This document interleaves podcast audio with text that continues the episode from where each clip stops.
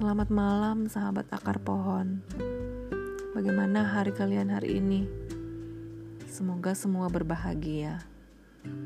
Tapi mungkin dari kita sebagian mengalami hal yang tidak mengenakan, baik karena diri kita sendiri maupun karena orang lain. Jangan sampai hal yang tidak mengenakan itu membuat kita terusik dan tidak berbahagia. Ya, maaf. Satu kata yang mungkin kadang sulit kita ucapkan. Terlebih pada sebuah kesalahan yang tidak ingin kita akui. Kenapa sulit? Karena kita lebih banyak merasa dengan minta maaf menurunkan harga diri kita.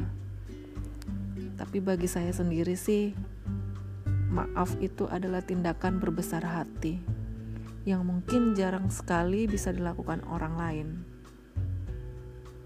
Kadang maaf dapat terucap saat kita menurunkan ego, tak ingin membesarkan masalah, dan hanya ingin berdamai. Pernah nggak sih kalian berada pada situasi yang sebenarnya sudah merasa bersalah, namun maaf itu sangat sulit terucap? Ya, saya pun sering, tapi balik lagi pada pemikiran bahwa meminta maaf itu tak selamanya menjatuhkan harga diri kita.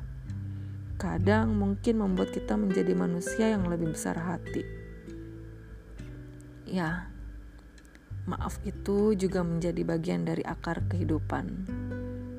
Sebagaimana kita mau meminta maaf, maka akar kehidupan kita akan menjadi lebih kokoh. So, sebelum kita tidur malam ini, ada baiknya kita memaafkan diri sendiri dan memaafkan kesalahan orang lain.